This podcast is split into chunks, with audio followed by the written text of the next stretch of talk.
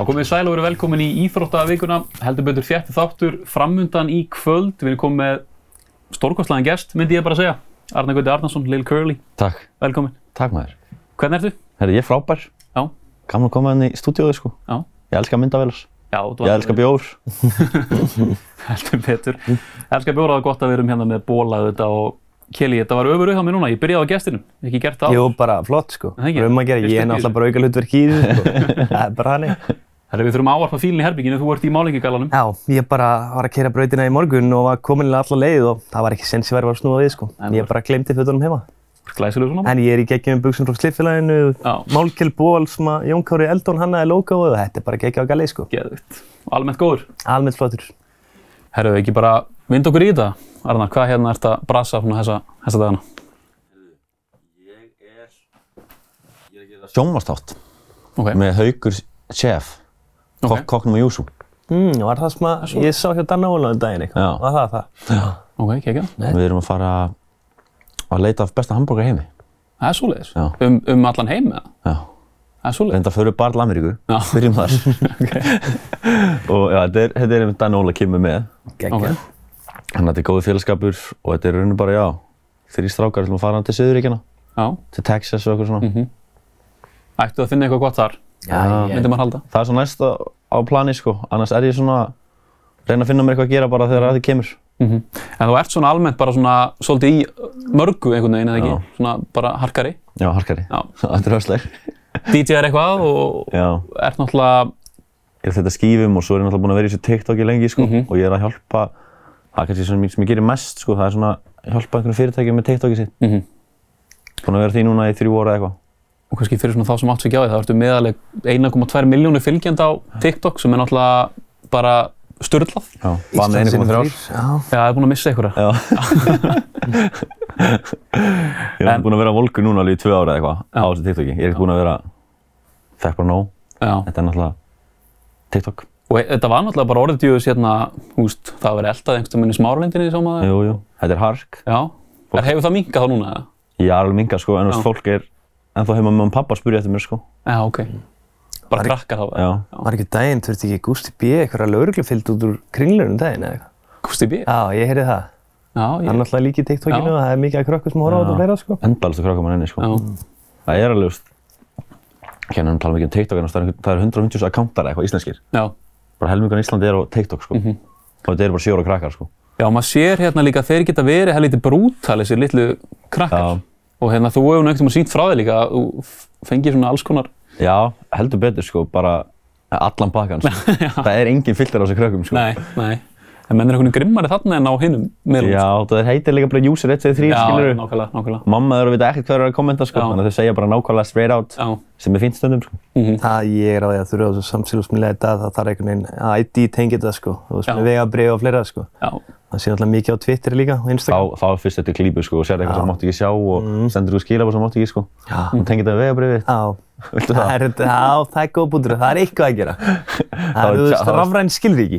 Já, já, en þá er sko strákatjattið og allt það, þú ert bara Já, hægt að því sko. það er góð bútur. Herru, förum alltaf svona í byrjun þáttararnar í svona íþrótta bakgrunn, gestan okkar. Og þú náttúrulega varst í, á yngri árum, í bæði handbólta og fótbólta og Sundi sundi og góli. Og góli, já. Já. Hvað er svona, og ert ennþá náttúrulega eitthvað að sprikla í handbólta? Já, ég er í, Víkingur U núna og við erum hérna komist upp í grillið í fyrra. Mm -hmm. Við erum að skýta upp á bak núna í grillinu. Já, Fimm leikir, fimm töp. já það er svo. En það er það er. Þetta er alltaf koma samt. Já, En já, ég hef alltaf verið mikið í handbóltan sko. Ég er mjög gaman handbólta. já, það var svona, Það er passionið sko. þú varst bestur í því einhvern veginn. Já. Svo ég segja, því við náttúrulega we go way back, sko. já, við vorum saman í handbólta. Já. Og fótbólta. Já. Já. Ekki sundi. Og back, Já, akkurat. og í vinnu. Já. Tókum kassan í fjárðarkaup. Fjarða kaupmaður. Herru, hérna, og hérna, uh, golfið samt. Þú ert eitthvað ennþá í því, eða ekki það? Mm, svona, sko það er ógeðslega gaman að fara til Spánar í golf. Já. Eða bara einhvern til útlanda sem er sunshine. Mhm. Þar ertu, ó- þú ert miklu betri í golfu þar. Mhm. Ég er ekkert ekki fíbla sko, það er bara miklu betri. Ég veit þetta. Já. Já. Og þetta er svo miklu meira næst sko. Og sérstaklega færði þér eitt bóla með. Já. En Nákvæmlega. þetta er, já, golfi, ég nenni ekki að spila golfi í Íslandi. Þetta er bara hundleðilegt að það er ekki sunshine og... Rókurregning og... Já. Já, nákvæmlega. Ég á vini sem er sem fara út bara á kvöldin í, þú veist, fjórum, fimm gráðunum, bara það er jafnvel rók og rigning í leiðinni, sko, Mhm. heyrðu bara einhvern veginn að harka einhverju ringi, sko, ég skildi ekki, sko. Nei, þetta var þannig, ég var þannig back in the days sko. Já. En svo núna spila ég það Sunshine og það er frábært, það er ógeðslega gaman.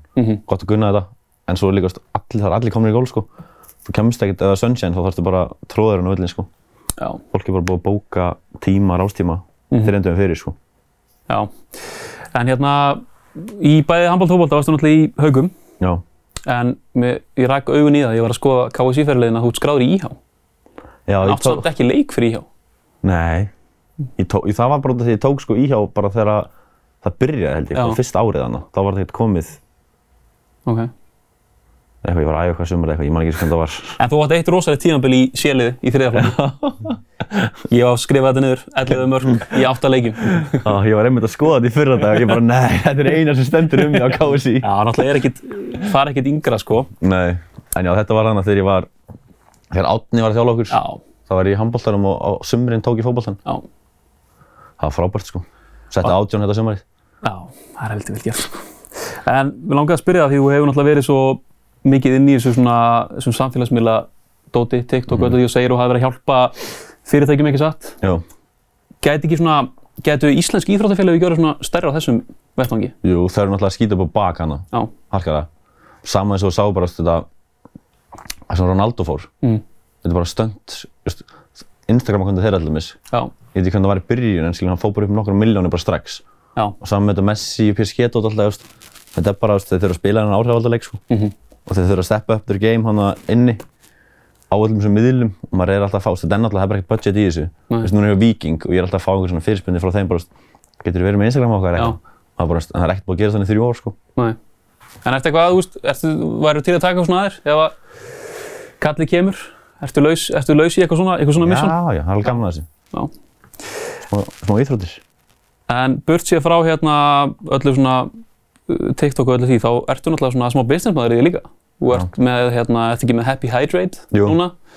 Og varst með eitthvað markasfyrirtæki eða ekki á yngri árum? Jú, Já, það var hann að bara áður en ég fór sko ég ætlaði semst ekki í skóla eftir framhaldsskóla, ég nefndi ekki skóla. Það er ekki gaman að því. Þannig ég ætlaði, ég ætlaði að vera entrepreneur and make it. Já, það floppaði mamma sendi mig þá í flugnám. Já. og ég náttúrulega er bara ég var bara í Flensborg eins og veist sko Mhm. ég hef tókt þér flugnámi leið og ég sprakk á TikTok þá hætti þessu flugnámi sagði mamma og pabbi sorry, ég geti þetta ekki Mhm. ég náttúrulega gati ekki þetta flugnám sko og svo fór ég í TikTokið og núna er ég með í rauninni sömu stofu nema bara í rauninni fyrir TikTok Já, ég skilji. sömu stofu áður, þannig að þetta er bara ég að hjálpa okkur fyrirtækjum núna með TikTok í staðan fyrir Facebook eins og það var Mhm. en þetta er svona side, side gig Já. við fáum ekki pening En ertu ekki sammálaskili, heldur að það væri ekki hægt að svona rífa umgjörun í gang þarna? Það er klálega að maður hefur séð svona liðinir að stígu upp til dæmis á Twitter Mhm, sem er svolítið stór meðlinn á fókbalta samfélagsins í Íslandi. mhm, En ég held að þú getur höfða frekar til batna og svona annars markkóps með til dæmis TikTok sko. já, Já, maður er samt að sjá miklu meira núna en áður sko, þetta er alveg að koma. Mhm, en þú veist, er eitthvað budget í þetta? Og ég sjá samt núna eins og bara á stóru skiltunum þessum í og það er alltaf núna leikmenn og einhverju Já, leikmenn ég held að sé alveg hægt að búa til budget fyrir þetta líka bara þú getur einhvern veginn svona mótiðar eitthvað þessi unga krakka í þetta með bara, heyrðu, þú veist, peningur sem við fáum út úr þessu, þú farir kannski ekkert skerfa af því. mm, Svo ég held að það sé líka hægt, sko. mhm. Já, Og ég held að sé alveg hægt að setja upp einhvern veginn annarkort mætti fyrir vera markastjóran í liðinu eða bara einhverja yngri krakka sem hafa áhuga á þessu, sko. Já, en þurfa þá ekki að vera einhverja svona stjörnur líka í þessum liðum eða svona, það eru náttúrulega alveg stjörnur já, já, en þú veist eh, eins og ég, almenni borgarinn, ég er ekki fylgist ekkert mikið með fótboltanum nei, ég veit ekkert hver er toppurinn í fótboltanum í Íslandi sko. nei. en ég það- veit að Ronaldo er kongurinn sko. Já, en undanfærin ár hefur maður svona séð svona gæja verða stjörnur, ég minna við erum með Adam Páls í val sem er, þú veist, stór hérna og margir þekkja sem að er ekkert endilega að horfa fótbolta myndi ég halda. Birni, getur ekki satt saman hann, Algjörlega Viktor Karl í breðablík. þú Karl nákvæmlega, með bökk og það sko, Já, mm. heldur betur. Herru við ekki fara bara í frétti vikunar? Algjörlega. Keiri það, uh, það sem bar kannski hæst, það voru nokkra sem að voru nokkur stóra en Kjeli að Rúna Kristins tók við fram að þetta lá í loftinu en hefur verið staðið, spyrjum bara hvað finnst þér um þessa ráningu? Herðið, mér finnst það bara bæðið flott hjá fram og líka einhvern veginn bara cool hjá Rúnar Kristins, sko. Mhm. Hann er búinn að vera bara á Íslandi með sögufræðan klúb sem er KR, hann tekur á með öðrum sögufræðan klúb sem heitir Fram sem er bara búinn að vera í tölvöld meira brasi og lægð heldur en KR svona síðustu 20-30 ár, sko. Mhm. Og Ég bara hugsa það bara, þú veist, þeir hljóta vera lofanum eitthvað pening til að styrkja liðið því ég held að Rúna Krists sé ekkert að lappa bara inn í einhverju bóttbaróttu bara Nei. ekkert mál sko. Nei. Það hljóta vera einhverju fjárstyrkir aðalega á bakvið sem eru tilbúin að setja aðeins meir í þetta, víst að Rúnar er kominn. Já, maður skinnjar hérna, Kelly, hann er verulega pyrraður út í káar. Mm. Hvernig á staða þessu, ég menn hann segir bara, húst, í, sem við tulum ekki að hann segir, ég húst, vil ekki tjá mig um þetta en svo tjáir þess að samt svona aðeins, sko. Segir hérna, húst, ég hef mínar skoðanir á þessu og ætla ekki að láta þeirra ljós. Að, Bara skil hann mjög Já. vel, það var, mér varst ekkert sérstaklega vel staðið að þessu og það hefur verið að gera marga hluti betur einhvern veginn í þessum brottrekstri eða það er brottrekstri en náttúrulega ekki framleitt samningin. Mhm. En í þessum endalokum myndi ég segja frekar. já, Og þarna líka bara núna eins og ég talaði um bara hérna fyrir viku, veist, þetta lítur bara ill út fyrir KR að þeir reka rúnar og þeir ekki með neitt. Mhm. Þeir eru bara einhvern veginn að leita núna, sko, það er bara dett í nóvambur, sko. Pál, Pál Kristjáns kemur svona mjög ill út úr þessu. Alveg klálega, hann er alltaf bara í þessu líka, sem við maður taka það einn dæmi, að þetta er bara fyrst af svona alvöru gigja en sé okkur um klubbi, sko, sem formaður. Mhm. Hann var með KF og í kringu það, en það er alltaf um dæmi, ég á með augnablík, sko, það er bara ekki sama dæmið, sko. og hann, hann er klálega reynsluðus í þessu, það er bara að sína sig. Já.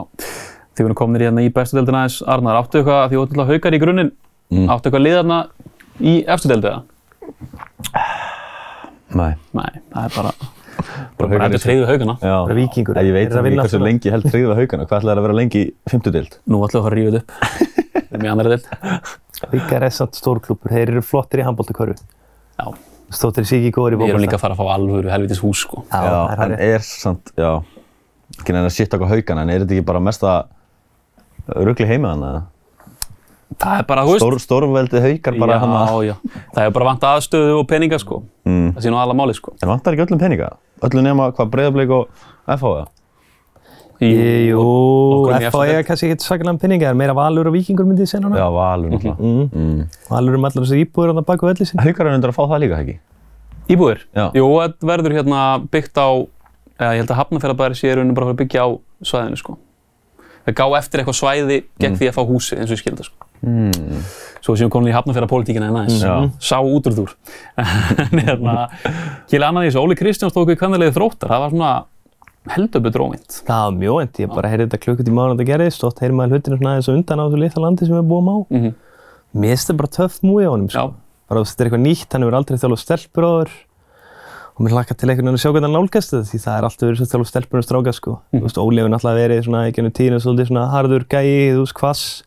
Hann getur ekki verið það við stelpundar, sko. Pétur Péturs komið mitt bara inn á þenn daginn, bara það er alltaf verið svo þjálfa stelpur, þú ert ekki að sparki raskataðum og hrauni yfir þær, sko, fara þær bara í fílu við þig.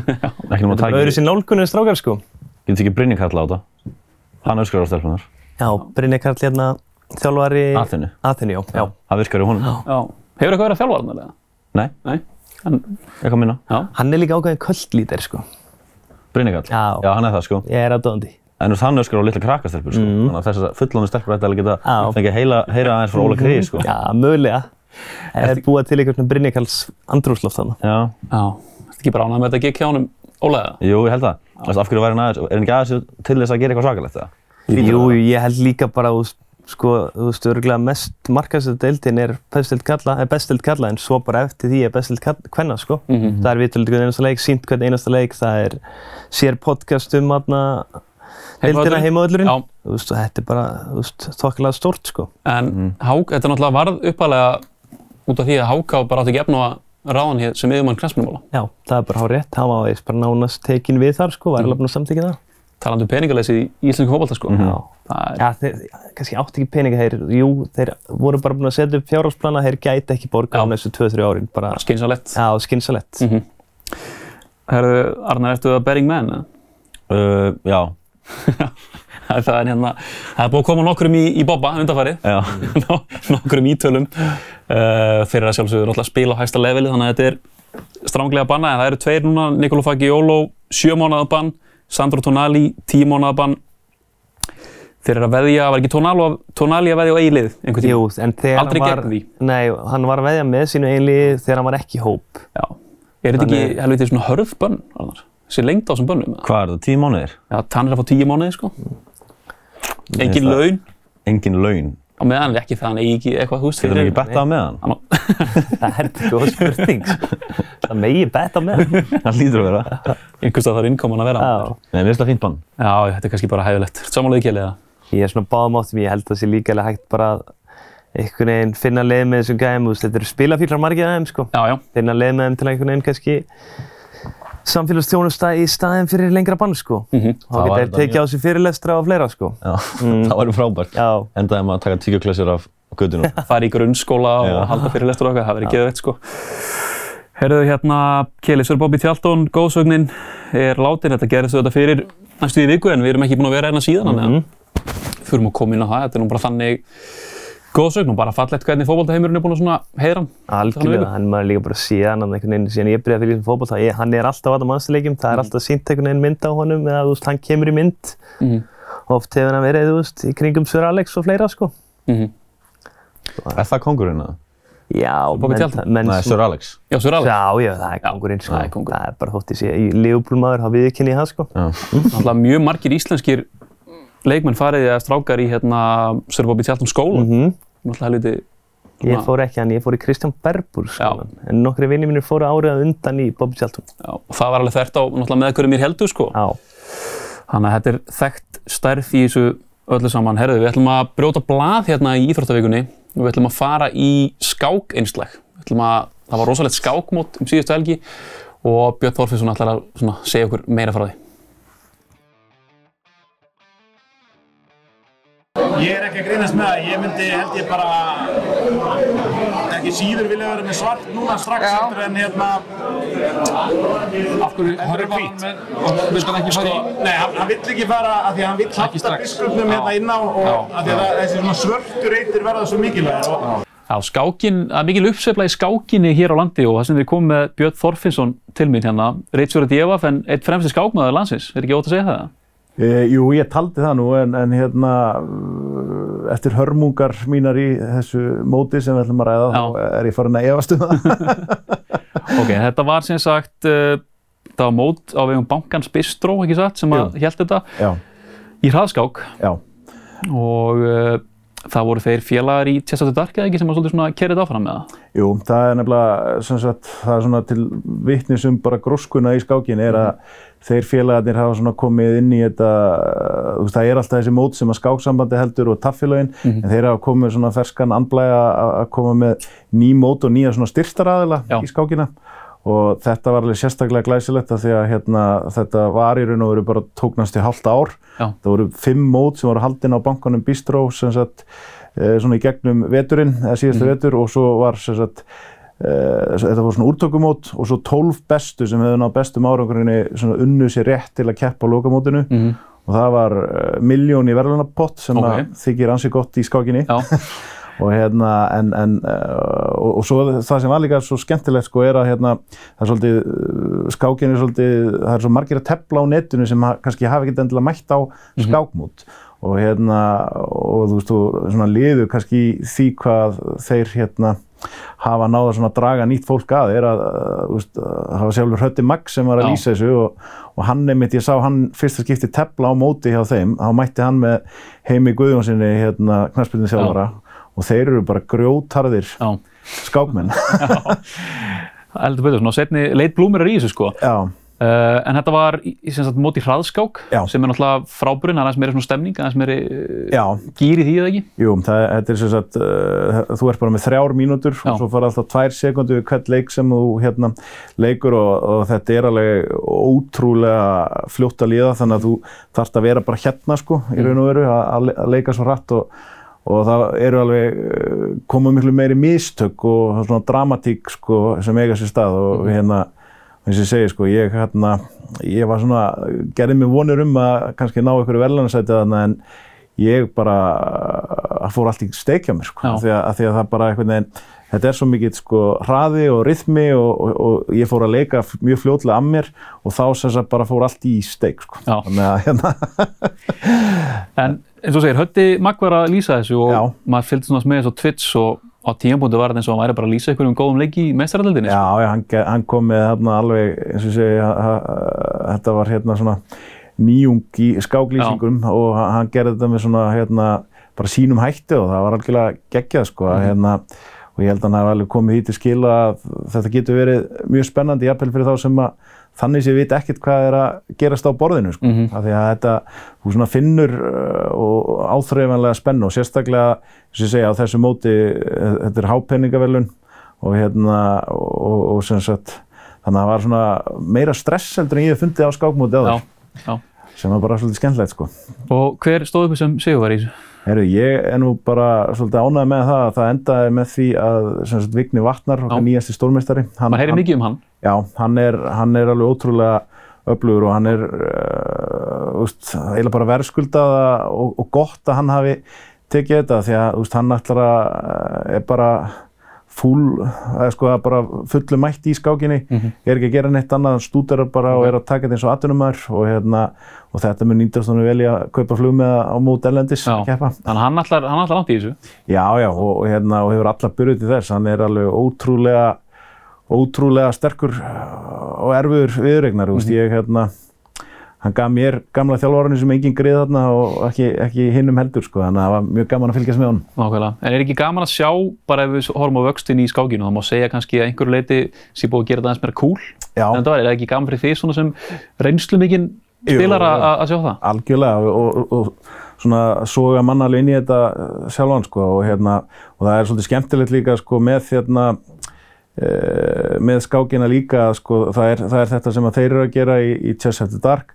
Svo eru þess að þessi tappfélög sem eru alltaf með sín mót líka að það er að koma til dæmis bara úst, Íslanda er náttúrulega bara að vera svo fjö- fjölþjóðlegt að það er að slæðast inn sko bæði bara flótamenn frá Úkrænu sem að hafa verið bara frábæri skákmenn sem að er, að er að styrkja okkur og það eru frá eiginlega bara öllum löndum menn sem er að slæðast inni en þetta, þetta verður líka sko, þetta er keppni en þetta er líka verður svona, svona samfélagslegt hérna, svona ávinningur af þessu Nákvæmlega. og hérna og eins og ég segi það, það eru bara ótrúlega margir sem eru svona koma stundum að mæta á mót sem eru bara frá, frábælega sterkir skákmenn sem hafa bara verið að tepla á netinu Já. svona í eigin rúmi einhvern veginn hérna fram að þessu þannig að það, veist, skákin er líka á, á mjög það að þakka hvað hún er sko netvæn það er, er líkil, líkil þáttur í þessu Heldur betur. Herru Björn, bara frábært að fá þig. Takk hérlega fyrir þetta. ekki máli Þeir eru að sigla þessu heim. Já, sem það.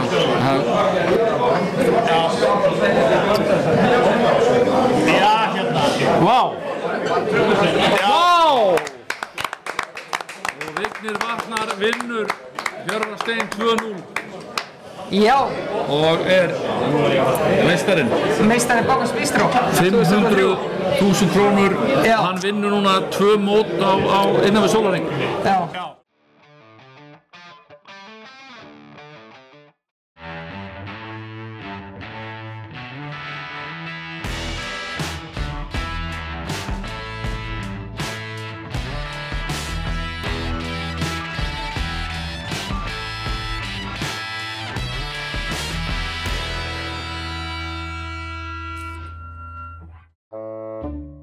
Happa, óhappa.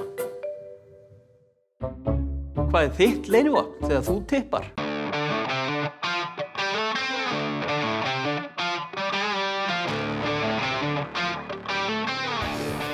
Það held ég gaman aðeins að kíkja á, kíkja á skákheiminn sko. Kanntu hérna manngangin, Arnar, eða? Já. það er betur en ég, ég ætla að viðkynna það. Já, ég fór í þátt hjá þeim eitt vannar þegar þeir voru að spila skák í þáttunum, Já. aðna Birkir og Leifur. Já. Ég tapaði held í öllum leikjunum, sko, ég gæti ekki neitt. Æ, maður þarf að fara að læra þetta. Ég var, ég var út í fótbolta í fríminútum, sko. Já. Ég var ekki inn í skákinni, sko, bara því miður, sko. Herru Keli, það eru þessi leikir hjá kvennarnarsliðinu framöndan. Mm. Það eru Danir núna sem sagt í kvöld föstudag og Þýskaland á þriðudaginn. Þetta er svona, verður ekki að segja, 1-3 stig er bara svona svolítið max úr þessu. Það er bara geðið. Já. Bara dan, danska liðið er búið að lúka mjög vel. Mhm. Íska liðið er náttúrulega bara að pakka okkur saman að síðast og eru svolítið hemdarhuga eftir HM, þar sem eru voru bara dabrar, sko. Já, Og jú, ég segi bara frekar ná bara einhverjum fínum framistöðum og bæta þær frekar frá síðasta glugga því að við vorum ekki góðar en ekki heldur mikið með boltan og ná okkur spilu upp sko. nei. Arnar, við viljum alltaf vinna Dani. Mhm. Það er svona, þú veist, Erum Bara stoltir, sko. Við erum betri en þau líka.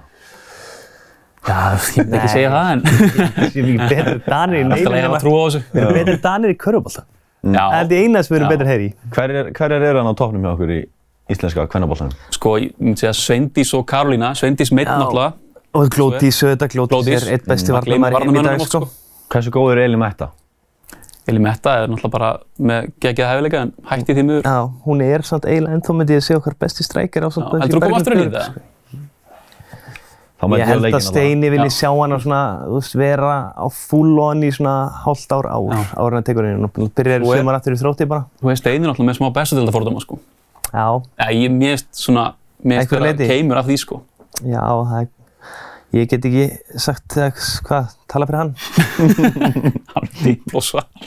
en ok. Ég veist ekki hvað ég ætla að segja, ég veit ekki Er það er svona press að gera eitthvað? Þetta hefur verið svona heit umræð undanfarið. Það er eiginlega bara meira pressa og bara sína ykkur á framistu. Þetta er eiginlega bara vilt leðilegt svolítið, sko.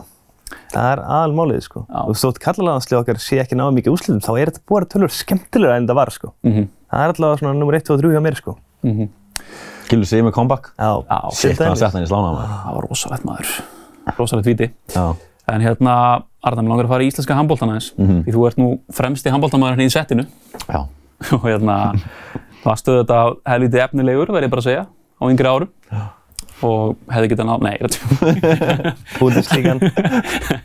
En hérna, þú náttúrulega bara tökum aðeins haugana þar. Mm. -hmm. Úslitaðin við síðustu leiktíð. Þú vant alveg verið í húsinu einhver Já. kvöldin. Jú, jú. Ég held ég að sé það einhvern veginn allavega. Já. Það var svona svekkjandi. Já. Allt kom til alls. Það var leðilegt, sko. Já. En það gera okkur betri menn. Já, þetta styrkir okkur bara, sko. Já. En hvernig bara líst þér á liðið á þessu tímabili? Gott. Gaman að sjá hvað Guðmund er að koma sterkur inn. Mhm. Ég man, sko, já, æfum honum fyrir svona fjórum árum eða eitthvað. Já. Þá var hann ekki svona góður. Nei. En hann er búinn að stíga svakalega upp núna, sko. Mhm. Frábæra hendi. Já. Ég held sér líka bara ángriðs fínt að Andri Máraði að fara út. Þá fær hann einhvern veginn að vera svona meira aðalmaðurinn. Já. Andri tók svolítið yfir í fyrra, sérstaklega í úslitaðin við innu, sko. Nún er þetta einhvern veginn bara sjóið hans, sko. Mm -hmm. Sjálf ekki með 50 mörk eða eitthvað? Já, Jú, það er rosalegt. Hann er eitthvað í kringu það. En hérna, það sem bara hæst í síðustu umferð Kili var að Valur tapaði fyrsta Mhm. leiknum sinum fyrir IBF. Já. Og það var kannski bara líka nöðsynlegt fyrir IBF, sko. Búin Það er klálega bara blanda sér, blanda sér aftur inn í þetta með IBF, nei með Val, FA og afturðalíku. Já. Og þetta virðast vera fjögur bestu liðin núna, sko. Það byrju haukar eru líka inn í þessu, ég er Er það ekki það? Jú, haukar eru inn í þessu, þetta eru svona Já. fjögur, fimm bestu liðin núna. Já. Það Og var- þarna, Valsar eru líka bara búin að vera í þetta prógram, eru búin að Európa-genni. Mhm. Einhverju mittir líka. Koma þessi inn á Europakefnina. Mm. Uh, það voru þetta þessi fjögur lið, Valur, IBF, Mhm. FH, Afturölding. Já. Hérna, Afturölding var fekar óvænta sigur. Gerða það á móti liði sem hefði vannis keppni Já. í tveim árum, norsk Mm Og þarna F-fáingar tóku líka bara stórlið frá Serbíu. Já, Það var stort án Aron Pálmarsson í sendileginum, Já. sko. Við erum búin að vera að glíma við meðsli. Já, það Og skellur. við erum með lið í 32 úrslum. Ég held að þetta sé svona BSC Európa-kefnin. Sambandstældin. Já, þetta er svona sambandsteld í Európa líka Já. kefnin. Þetta er auðvitað ekki aðal Champions League kefnin sem að Ómar og Herri er að spila í, sko. Hvernig er það? Hvernig er Aron Pálma núna komin inn? Ég er ekki búinn að sjá neitt leik. Sko, Byrjaði fyrsta leik geggjaður. já, Já. en það verður svona aðeins. Já, aðeins dreigja honum svo var að vera eitthvað mittur. Ég ætla hann ekki að hrauna yfir hann of mikið því við erum að reyna að fá hann í þáttinn. Við erum að reyna nokkuð. Og, já, og þarna, þetta er eitthvað með meðsla að gera líka og ég held sér bara flóki fyrir gæða sem er búin að spila með bestu gæðum í heimi, einhvern veginn að fara að spila með Já. þess fínum gæðum sem eru upp á Íslandi, það tekur tíma sko. Já. En talandi um að það er að stækka eitthvað, þú veist, brand. Ég meina, Aron Pálma ætti heldur betur að geta gert það með handbóltan á Íslandi. Já, 100%. Já. Það er líka alveg power move að fá hann ykkar sko. Já. Þó hann að séu þetta í FH, það er bara, þú veist, Já, það er eins og það er. Já, já. En hver heldur að vinna þetta í ár? Haukar. Það verður haukar. Já. Ég stela það. Mm Tökum hérna góða úsleikennið síðast. Það er það sem þetta snýst um. Eða hvað, kannski vikingur. Ég vil bara fá F og haukar í úrslitaðin við. Já, það verður geðveikt. Þau mætist alveg aldrei í úrslitin, ég man ekki eftir því. Það var, þau voru náttúrulega bæði undanústum í fyrra.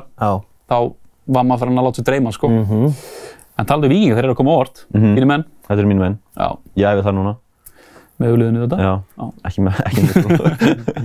Er ekkert verið að íhuga að kalla þig upp í aðalið? jú, jú, það er, það er alltaf einhver, einhver orður um hann. Já. Heldur betur. Hvað, en þú Kjell, erstu með eitthvað svona eftir fyrstu umfyrirnar? Erstu með eitthvað winner í þessu eða? Handbóltanum, Já.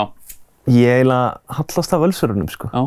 Mér finnst þér eitthvað, já, finnst þér eitthvað mesta liði, þetta eru gæjar sem hafa unnið þetta alltaf áður. Já. Og eru búin að missa eitthvað en samt smáður er þetta bara hörkulega ennþá sko. Hver er besti maður farinn? Steven? Já, Já. Benni er hann ennþá, þú veist, Alistair Pettersson er alltaf komin inn í þetta. Mhm. Magnús, Magnús Óli er þeirra besti maður, Magnús Óli er alveg bara bestur í þessu tild, hann kann bara á þessu tild, sko. eins og Agnar var þeirra besta maður. Já, Hann kemur óvart.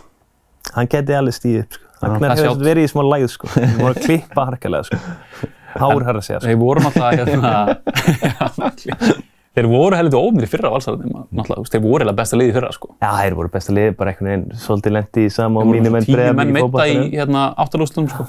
Lendi í svip og mínir menn í fótboltanum blikandir, það er með brunnu svolítið brúta álægi, sko. Já. Bara höndluðu þetta ekki. Já, algjörlega. Herru, ef við ekki að fara bara í svona einhvern veginn það sem að flesti vilja alltaf ræða, það er hérna enski fótboltinn og svona slass meistaradeldinni. Tökum við alltaf svona í einum hræri graut hvað er það að vera að gera. Arnar, ég er náttúrulega þykist veit að þú ert mæstur og nætmaður. Er það bara, hvernig kom það til? Bara hópressa eða? Já, pappi held með mannjú en ég held með mannjú. Já. Þegar ég vissi ekki munin á neinum leiðum að það, spurði ég pappa.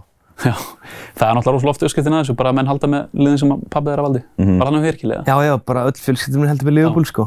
Ég átti bara ekki breyk, sko. Nei, það var sama hér sko. Einhverju vini bróðum sem reynda að mig verið master á þeim tíma var náttúrulega unnuður allt, sko. Já, Þeir náðu því ekki alveg, sko. gat verið erfitt náttúrulega að vera bara í grunnskóla í kringum þetta United kvöld þarna bara á sínu tíma sko. Voru langt bestir, óþólandi bestir sko.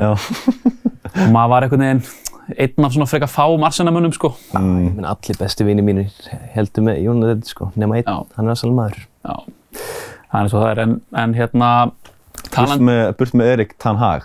já, Já, viljum hann hann, burt. viljum hann burt. ok, það er bara sleggja inn í byrjun Já, en ok, af hverju? það er ekki okkur maður. Hann var ekki með Ronaldo á bekknum og Já, Ronaldo maður svona skýta upp á baknum.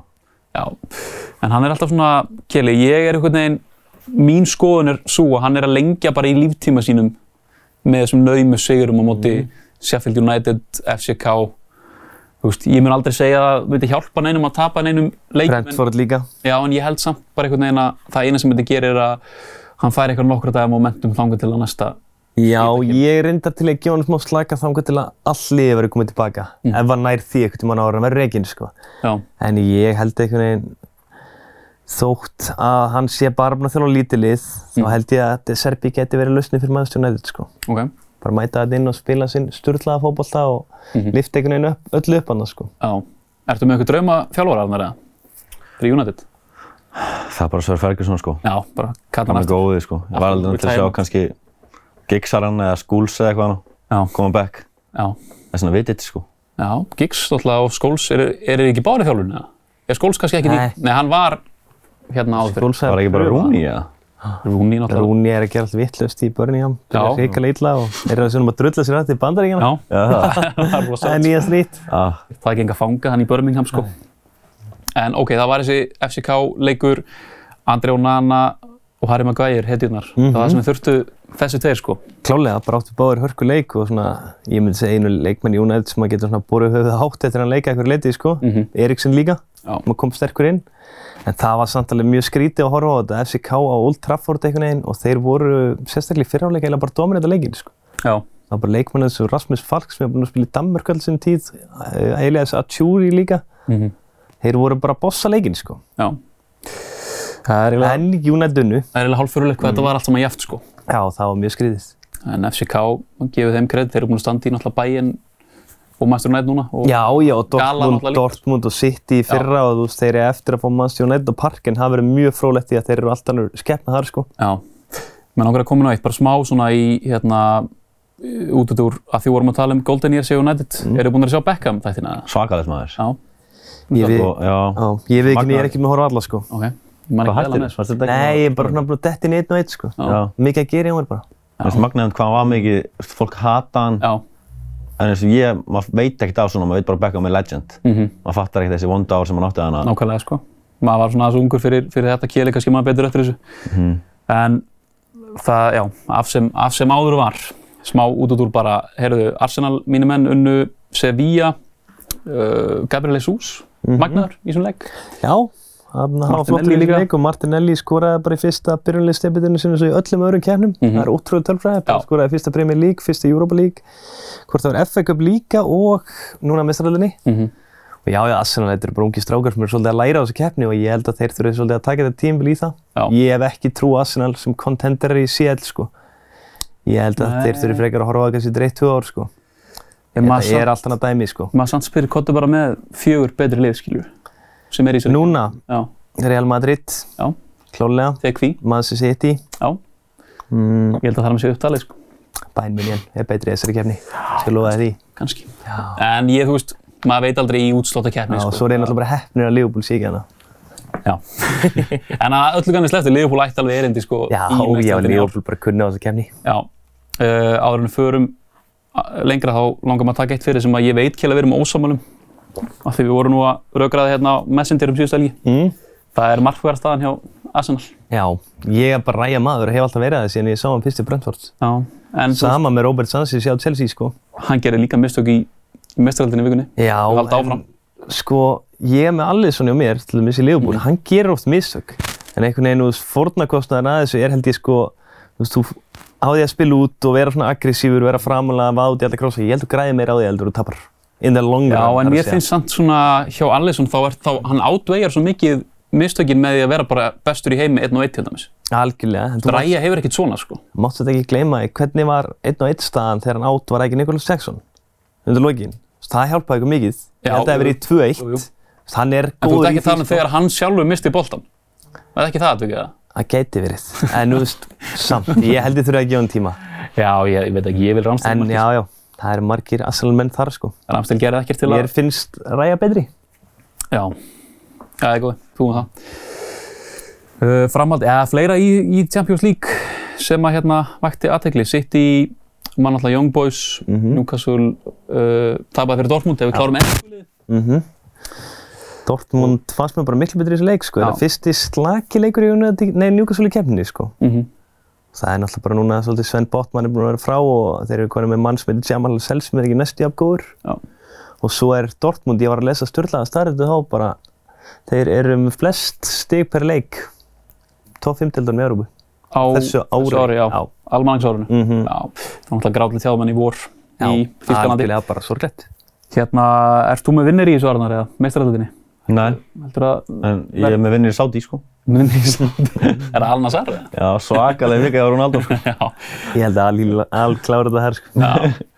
Heldur betur, já. Þú ert mikill Ronaldo-maður eða? Já, já. Já. En svolítið, ég var hann að matchattack mannjúmaður back in the days. Já, Þegar þeir voru hann að elitan, sko. já, Og, svo hætti ég að fylgst með fótbolta, sko. já. Já, það er eins og það er. Já. Það er hérna, en það sem er bara framöldan, hérna, Arnar, stóleikur um helgina, United City. Svakalega. Það verður erfiður leikur fyrir þína menn. Já. En, þú veist, heimaleikur, þú að geti, Hvað ætli stöðlinn sé okkur? ég myndi gískan sé svona, við erum alltaf eftir að fara á eftir hérna í Er þetta Manchester United City, eða ekki? Mhm. Jú. Jú, þá er hann örgulega svona þrýr. 2-3, jú, Já, myndi ég Það er halda. nú ekkert svo mikið. Unnu í fyrra. 5 á útivelli, sko. já, Já. Mm. en unnuð þá í fyrra. Já. sem var náttúrulega helviti stórt. Uh, við erum að hrósa eins líka Tottenham kjeli sem eru náttúrulega flæging á topnum. Maður býður alltaf veginn. Ógeðslega skemmtilegir. Já. Þú veist, það er eiginlega, fyrir utan Liverpool-leiki á mér, þá var það fyrst bara eiginlega Tottenham-leikir sem ég stilla á, sko. Mhm, Brighton svo City, sko. Já.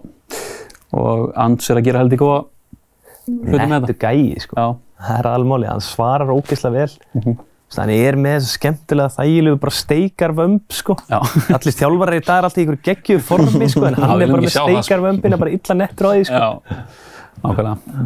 Og hérna, en þú veist, þetta springur, eh, ég ætla ekki að setja spr springi á endanum, en þú veist, þeir verða ekki þarna, þeir verða ekki topparötu fram í mæ held ég, sko. Nei, þeir enda held ég í top fjórum, ég er alveg þar. Já. Því að maður skoðar tölfræði, svona undirleikjandi tölfræði, þá er þeir mjög ofalega í sett, mörgum þáttum. Mhm. En neini, þeir verða ekkert í titilbartu, sko. Mm Það verður á mikið. En hérna, þínir menn kýrða því við náttúrulega gátum ekki tekið þá í meistaraldinni, mm. -hmm. meistaraldunum með Liverpool. Það er ekki Liverpool Tottenham um helgina? Nei, það er Liverpool Nottingham Forest. Já, Sorry, Liverpool Tottenham er frekar Pool. öðvöldu prógraminu. Já, það er hérna eh, heldur betur. En Það er Liverpool Toulouse. Evrópu, Evrópu-deildin. Mm. Já, en Liverpool Nottingham Forest ætti að vera svona nokkuð, nokkuð Já, þægilegu já, sigur. þeir klára það frekar það. Þetta Liverpoolið virðist að vera meira og meira samfærdi með hverju leiknum og Mhm. klára svona lið bara, sko. Já, en hérna, mér langar að spyrja þýlug út í hennan stórleik, United City. Mhm. uh, hvernig heldur þetta verði bara? United liðið sem er að stilla upp núna, ég held að City pakki þeim saman, sko. Pakki þeim saman, eh, kannski ekki, en þeir vinna á. En hefur Ten Hag ekki svolítið sínt að hann er svolítið góður að mæti þessum svona stærstu lið? Jú, mér finnst bara ekki nógu góð taktur í mörgum leikmennum Manchester United núna til einhvern veginn að vinna City. Já. Svo ertu með þarna, þú veist, Harry Maguire og Regulion. Ég held að City geti kyrt harkalega á þá sko. Mhm. Þótt Harry vera öflugur og stígu upp og flott saga og allt það. Það er bara Erling Haaland að búti Harry Maguire, það er bara, þú veist, það er ójöf barátta sko. Já, algjörlega. Já, Arnar, ég treysta að þú stildir nú þann leik. Já, ég horfi. Sett á mína menn. Já. Herru Kili, við ætlum að fara í hérna langskoti og döðafærið í bóði lengjunar. Hvað ertu með fyrir okkur í, í dag? Heyrðu, ég er með mjög basic döðafæri. Ég er með Chelsea 1 á móti Brentford 1.54. Ég er með Liverpool 1 á móti Nottingham Forest 1.23. Svo er ég með Arsenal mínus 2 á móti Sheffield United. Ég held að ég komið Já. svolítið að því að Arsenal bara taki svona minna lið og pakki Já, saman að heima 3-4-0 bara. Já. 3-4-0 og ég held að þessi leikurinn 1.85. Saman í stuðul er þetta 3.5 sem er bara flottur. Já, Döðafæri stuðul. heldur betur. Heyrðu, langskoti er aðeins flóknar og skemmtilega Mm skemmtilegra. Ég er með Brighton Fulham, þar er ég með Evan Ferguson muni skora. Ok, skemmtilegt. Því að Danny Welbeck var með og ég held að hann verði svolítið einn um hittuna og muni skora í þessum leik. 2,22. Heyrðu, ég er með Tottenham úti á móti Crystal Palace, mér finnst bara það gott raun á Tottenham, ég líður þess að vinni bara flest allar leikja móti þessum liðum í dag, sko. 1,71. Heyrðu, ég er með Newcastle á móti Wolves, mér er saman með Newcastle, þeir eru bara konur í góðan takt og ég heldur að vinna hann leik, 1,68. Mhm. Svo er ég með Aston Villa mínus 2 á móti Luton. Þeir eru náttúrulega búin að vinna hvað 11 heimleiki röð. Já, það eru stjórnur. Alla, alla þessu tímbil og þeir eru oft bara rústa liðum og ég heldur haldi ég bara Mínus áfram. tveir segir þarna. Mínus 2 bara og Leo Watkins munur örugglega bara setja um 2-3 sko. Já. Svo er ég með yfir 2,5 í Bournemouth Burnley. Þetta eru bara bæði lið sem að vilja bara sækja nummer 1, 2 og 3 bara, þú veist, frekar svona ungir og, eða svona, hvað myndi ég segja, frekar peppaðir þjálfarar bara. Já. Ég er með yfir 2,5 þarna, 1,64 samanlagt í henn. Hildarstuð þar að segja, 2,26,88. Aha, glæsilegt. Þú var náttúrulega grátlega nálægt í síðast. Já, Í langskotunum. Ég var gráðlega nált í bæði langskotunum döðferðinu. Það er bara eitt mark í sittileikinu viðbúti, ég man ekki alveg hvað það var í langskotunum. Langskotið fer að detta, það Já. kemur að því. enda á þetta, þetta kemur núna. Setur eitthvað á þetta líka. Já. Tilbúin að tapa. Heldur betur, annars held ég að við séum bara að verða helviti flottir. Er eitthvað framöndan um helgina strákar? Um, Nei, Halloween maður, það er búningakefni. já. ég veit það. Búningakefni átó. Ég er alveg að pæli bara guttinn, sko, hann þarf að klæða sig í búning, sko. Já. Ég er að fara að lappa með minn um, um Vesturbæinn. Það er nokkuð ljóst. Ég held að sé einhverju kolpasvita búning. Það eru hans menn. Já, það er, það er ákveðin aldur sem er í því. Eitt á lókum. Já. Verður hann að Saudi, verður þeir komni með golfið þangað eftir smá eða? Sko, þeir náttúrulega Þetta er spurning úr sal sko, ég var beðin um að spyrja þetta. Ú, Spennu, ok, já, þeir náttúrulega gerðu stránkæðilega tilraun með þarna LIV-mótaröðinni. Í rauninni fengu fullt af, þetta ekki bestu gólunir úr PGA Já, yfir til sín. Mm. En PGA lúffaði bara lokum og þetta svona saminæst. Er ég, Jú, þetta er nokkuð á villigötum hérna? Ég er ekki Ég djúpur í gólunum, Ég held að þú sér það þokkalega fínum stað með þetta, sko, þú voruð að segja. Segjum það. held að. En eftir að fylgjast með golfu eitthvað? eða? Mm, nei, Nei. ekki nógu mikið. En eins og rætirinn sem var þú veist um fyrir svona mánuð. Það er náttúrulega geðið tífi, sko. Þetta er alltaf í gangi sko, en ég nenn- nenni ekki að horfa á þetta, því miður. Nei. Og það þekki ekki lengur, þú veist, það er alltaf bara allir nýjar hann inni sko. Já. Þú getur fundið ekki að Viktor Hofland, hann er hrikalega Já. skemmtilegur. Já. Hann er, er hann ekki normaður frekar en Dani? Jú, normaður ég. normaður, bara veist, ungur og nettur sko. Mér finnst svona bara golfið svona aðeins og hægt fyrir mig. Já, hann var eini gæinn í rætterliðinu sem var bara ungur og singul, sko, allir hinn voru með eitthvað konur hann, sko. Já. Já. Svo þarna tók hann mynda sig með öllum konunum, það var frekar cool move. Heldur betur, herri, ég held að við séum nokkuð tæmtir hér, Arnar, það var bara heiður að fá þig Bara takk fyrir að fá mig. og Kili, takk fyrir að sita hérna með okkur. Við erum þó ekki alveg búin því að Vali Gunnarsson eftir að koma hérna til mín og eftir, hann var úti á NFL-leikum helgin og ætla svona að koma með góða ferðasögu.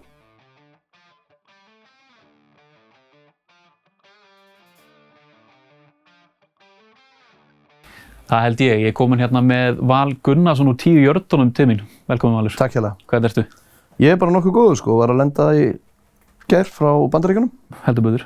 eftir, eftir uh, tæpa viku dvöl þar. Já, nýkomin varstu auðvitað á leik Já, sem við ætlum náttúrulega meðal annars að ræða hérna bara svona í fyrsta leik, hvaða leik, hvaða leik sástu þarna? Herri, við fórum á Baltimore Ravens Detroit Lions Já. sem að fyrirfram átt að vera bara Já, ég leiði mig bara eiginlega að segja einn af stærstu leikjum mm. tímabilsins hinga til. Já, en stóð ekki til væntingum að þetta var ójafn leikur. Já, sko leikurinn sjálf, það er alltaf gaman á vellinu, en leikurinn Já. sjálfur var mun ójafnar en ég átti von á og allir átti von á því að uh, Ravens, Ravens eru með hörkulið og Lions eru búin að vera með frábært lið. Já, og Ravens eru svona að koma upp og Lions búin að heitast að lið þannig að ég var rosalega spenntur Ég tók mynd sem að, ef ég þekki svan rétt, þá byrti svona akkurat núna. Það var 38-0 í þriðaleiksluta. Já, Bara, ha? já, Og veist, þannig að þú þetta var svona, já, Lions mætti ekki, Ravens skeggjaðir, veist, ég ætti ekki að taka neitt að Ravens, voru rosalega góður, en frábæra upplöðun á vellinum og ógeðslega gaman.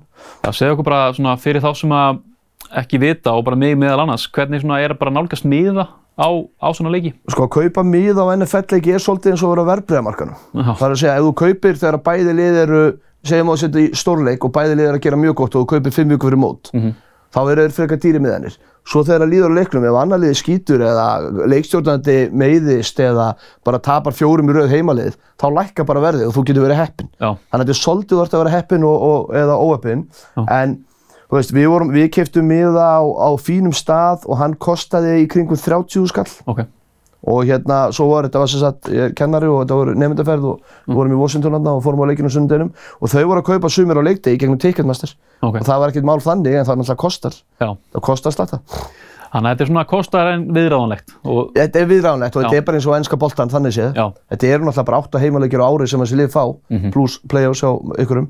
Þannig að þú veist, þeir eru að selja þetta svolítið dýrt en, en, en bara upplifun og annað, þetta er alveg vel þess virði nákvæmlega, ef við kemum bara um það, hvað, hérna, hvað, svona, hvað stendur upp úr í leikdags upplifun á leiki NFL? Sko, mér persónulega finnst það bara að vera að lappa í kringum völlin og upplifa stemninguna og, og, og ég er, fer alltaf aðeins fyrr inn á völlin. Mér finnst bara, mér finnst, ég, ég fæ ekkert rosalega mikið hérna úr tailgate stemningunni svo kallu. Ok. En það var þessi leikur klokkan eitt, það er kannski ekki alveg það sama. Já. En ég fer inn á völlin, fer á völlin, skoða í kringum mig, svo eru, þú veist, þú ert með bara hérna matsölustöða þarna inni, þú með alls konar leiki sem þú getur farið í og bara, þú veist, að bara vera þarna, upplifa stemninguna og svo er annað sem er einstakt við NFL held ég, kannski NBA líka, ég bara þekki það ekki Mhm. að þannig eru bara áhörnendur er bara að mixast, þú veist, það er bara, við vorum við hliðin á Lions aðdáðandum Já, í ok. Baltimore og, og þú bara kaupir miða ykkur stæðir í raun og veru Ok. það er ekki away section og he- home section Já, já, já. þannig að þú getur bara lent hvað sem er og, og það er ótrúlega rólegt í 95% tilvika Ok. og rólegt og gott og þægilegt og bara, það er að segja þú veist að vera í kringum þetta fólk Það er fjölskylduvænt. Þetta er það og hérna, auðvitað eru fáitarinn á milli þarna, þetta er 100 eða 90 manna leikungur eða hvað þetta er en þarna bara, þú veist, bara virkilega fjölskylduvænt og, og já, bara úkslega gaman, ég mæli eiginlega með að fólk skemmtir sér á völlinu að það getur Já. í NFL. Og ég meina, kaninn kann að búa til umgjörð og ég meina, þú veist, kemur hann á matinn, hérna, eitthvað skemmtilegt að gera og svo þetta tailgate sem að komst inn á, það er náttúrulega bara, þá erum menn að grilla bara á bílastæðinu Já, fyrir utan það, já, ekki? jú, það er, það er á mörgum völlum þannig, ég sá það ekki þarna, við löpum þetta bara mín meginn þar inn, en, en það er alveg það sem menn mæta bara á pick-upunum og eru Já. úti og ég fór til Washington, á Washington leikið fyrra og þá einmitt var það þannig, Mhm. og bara menn voru að grilla upp á, upp á pallbílum og, og, og þannig sko, og hérna, og það er alveg fullt af fólki sem var helling út af þeirri stemningu. Þannig að það eru samt, uh, kemur inn á, ég meina, menn eru bara svolítið blandaðir, þetta er ekki bara eins og Newcastle og Dortmund Nei, í vikuna, menn nei. sé að stinga hvort annað fyrir leik, en uh, eru samt læti, er samt svona gýr í mönnum með Já, heldur betur maður. Og uh, Reymensvöllurinn sem við fórum á nú, ég var að fara hann í fyrst skipti það var bara drullu mikið stemning. Auðvitað rústaði leiknum og þetta var rosalega stór leikur. Mm. en það var rosalega stemning og hérna og bara, já, upplifun að fara þarna og ég er mjög ánægður að, að hafa farað hann að völl því að þetta er mjög skemmtilega völlur Mhm. og hann er, þú veist, 40 mínútur frá Washington sem er beint flug frá flugfélagunum okkar Mhm. og hérna, þú veist, meira þess að þarna upplifun, ég hef aldrei fengið hérna herþóttur það eru herþóttur sem að fljúa yfir völlin Já. bara rétt fyrir kick-off og það var alveg upplifun að sjá það þó að ég held að sé búið að þetta er bara hljóðar en rafbíl í dag. Ég var að vonast þetta svona einhverju smá aksjón en það er greinlega einhver komin rafklunar þóttur þarna. En, en þú veist, já, en þetta er bara eins og ég segi, geggju upplifun og ég mæli indriði með að fara á NFL-leik og hann er líka, þú veist, þrý tíma sko, þetta er alveg upplifun þannig. Já, þú veist ekki bara á hérna, 90 mínútur og svo fara hann heim sko. Nákvæmlega. Hérna, en við komum bara að deildinni bara sjálfur í. Uh, hún er svona, hún er jafnar en ella. Já? Jú, hún er stór skrítin, þú veist, þetta er ekki sterkasta NFL-deild sem mann eftir, en, en hún er eina jafnari, þú veist, þannig séð, því að það er, að mínu mati, er ekkert lið sem er langt best í deildinni. Nei, ef ég hef komið hérna fyrir tveimu vikum, þá hef ég sagt að San Francisco 49ers væri besta lið deildinni. Mhm. Þeir eru búin að tapa tveimur röð núna og leikstjórnið þeirra, Brock Purdy, hann er í concussion protocol þegar við tökum upp núna. Já. Þannig að Sam Darnold er mögulega að fara að byrja sem að þeir sem tekja til vita hann á ekki glæstan fyrir að baki eftir að það eru valinn hann að ólega í draftinu, nummer 1 að 2 mann ekki alveg hvort. Og hérna þannig að, þannig að þú veist, í dag er ekkert eitthvað langbæsta lið, þetta er jöfn dild sem að gera það að verkum að hugsanlega þegar eru tvær þrjár vikur eftir að tímumbulina þá verður bara suðupottur hver fyrir í play-off sem er frábært en maður væri alveg til að sjá örlítið meir í gæði en, en aftur mjög skemmtilegt að fylgjast með það að geta allir unni alla En erum við þá að tala um að einhver stórlið sé að valda vonbreiðum? Já, já, alveg, alveg, alveg, það máli segja það sko. Þú veist, Buffalo Bills, maður veit ekkert hvað maður hefur þá. Mhm. Það er eitt af þessum liðin sem átt að vera þarna uppi. Uh, Cincinnati Bengals sem var líka annar lið sem við nefndum inn í byrjun þegar við komum til inn í upphæði annar, annar, upphæði tímabils. Að hérna, að þeir eru búin að vera með meittan leikstjórnarna sem eru að koma upp, vonandi koma þeir upp. Uh, þú veist, og svo eins og ég segi, þú veist, Niners er eitthvað aðeins að niðurlið núna þó ég hefði fulla trúaði menn þá. Eagles er að vinna leiki, að spila frábæla, Kansas City Chiefs sama, ekkert spila frábæla en er að harka sigra. Þannig að þetta er svolítið up, up for grabs sko. Mhm. Þannig að núna svona eftir uh, það sem liðið er þá er ennþá svolítið erfitt að segja Já. hver, hver stendur upp þessi siguri. Já, línur eru ekki farin að skýrast og hérna og já, já, þú veist, ef ég verið veðjandi maður í dag þá myndi ég segja Kansas bara þegar þeir eru með Patrick Mahomes og ef öll lið er að spila ágætlega og þú ert með besta QB heimi að þá gætur unnið. Svo er bara lið eins og Ravens sem ég var að sjá sem er að koma upp og þeir líta rosalega vel út og Eagles ná alltaf einhvern veginn að stela, stela hérna geggjum leikmönnum og, og þeir voru að fá núna góðan safety og þannig að þeir líka til landslíklegir og nænist líka. Þannig eins og ég segi, ég bara, ég mæli með að fólk fara að horfa á NFL en ekki veðja á NFL, það er ekki hægt. það bara gerist eitthvað. Akkurat, og hérna bara lókum hlávarpið ykkar, tíu hjartanir, þið auðvitað dælið út efni yfir, yfir tímabili? Já, einu sinni viku, þá förum við yfir hérna, þá förum við yfir allar umferðir og, og, og bara ótrúlega skemmtilegt og, og bara eigum diggan og góðan hlustendahóp. Við erum með einhvern leik í gangi núna, það getur unnið ykkur, ykkur velun, hann endilega tjekkja á því á Instagram hjá okkur. Já, og allt í samstarfið bóluð þetta. Bóli veit hvað hann syngur, það er bara í samstarfið við, við bestu þættin. Það er bara nákvæmlega þannig. Herri Valur, það var bara geggjað að fá þig, takk fyrir að koma. Geggjað. Og ég þakki ykkur sömulegis bara fyrir áhorfið í kvöld, þar til næst, verið þið sæl.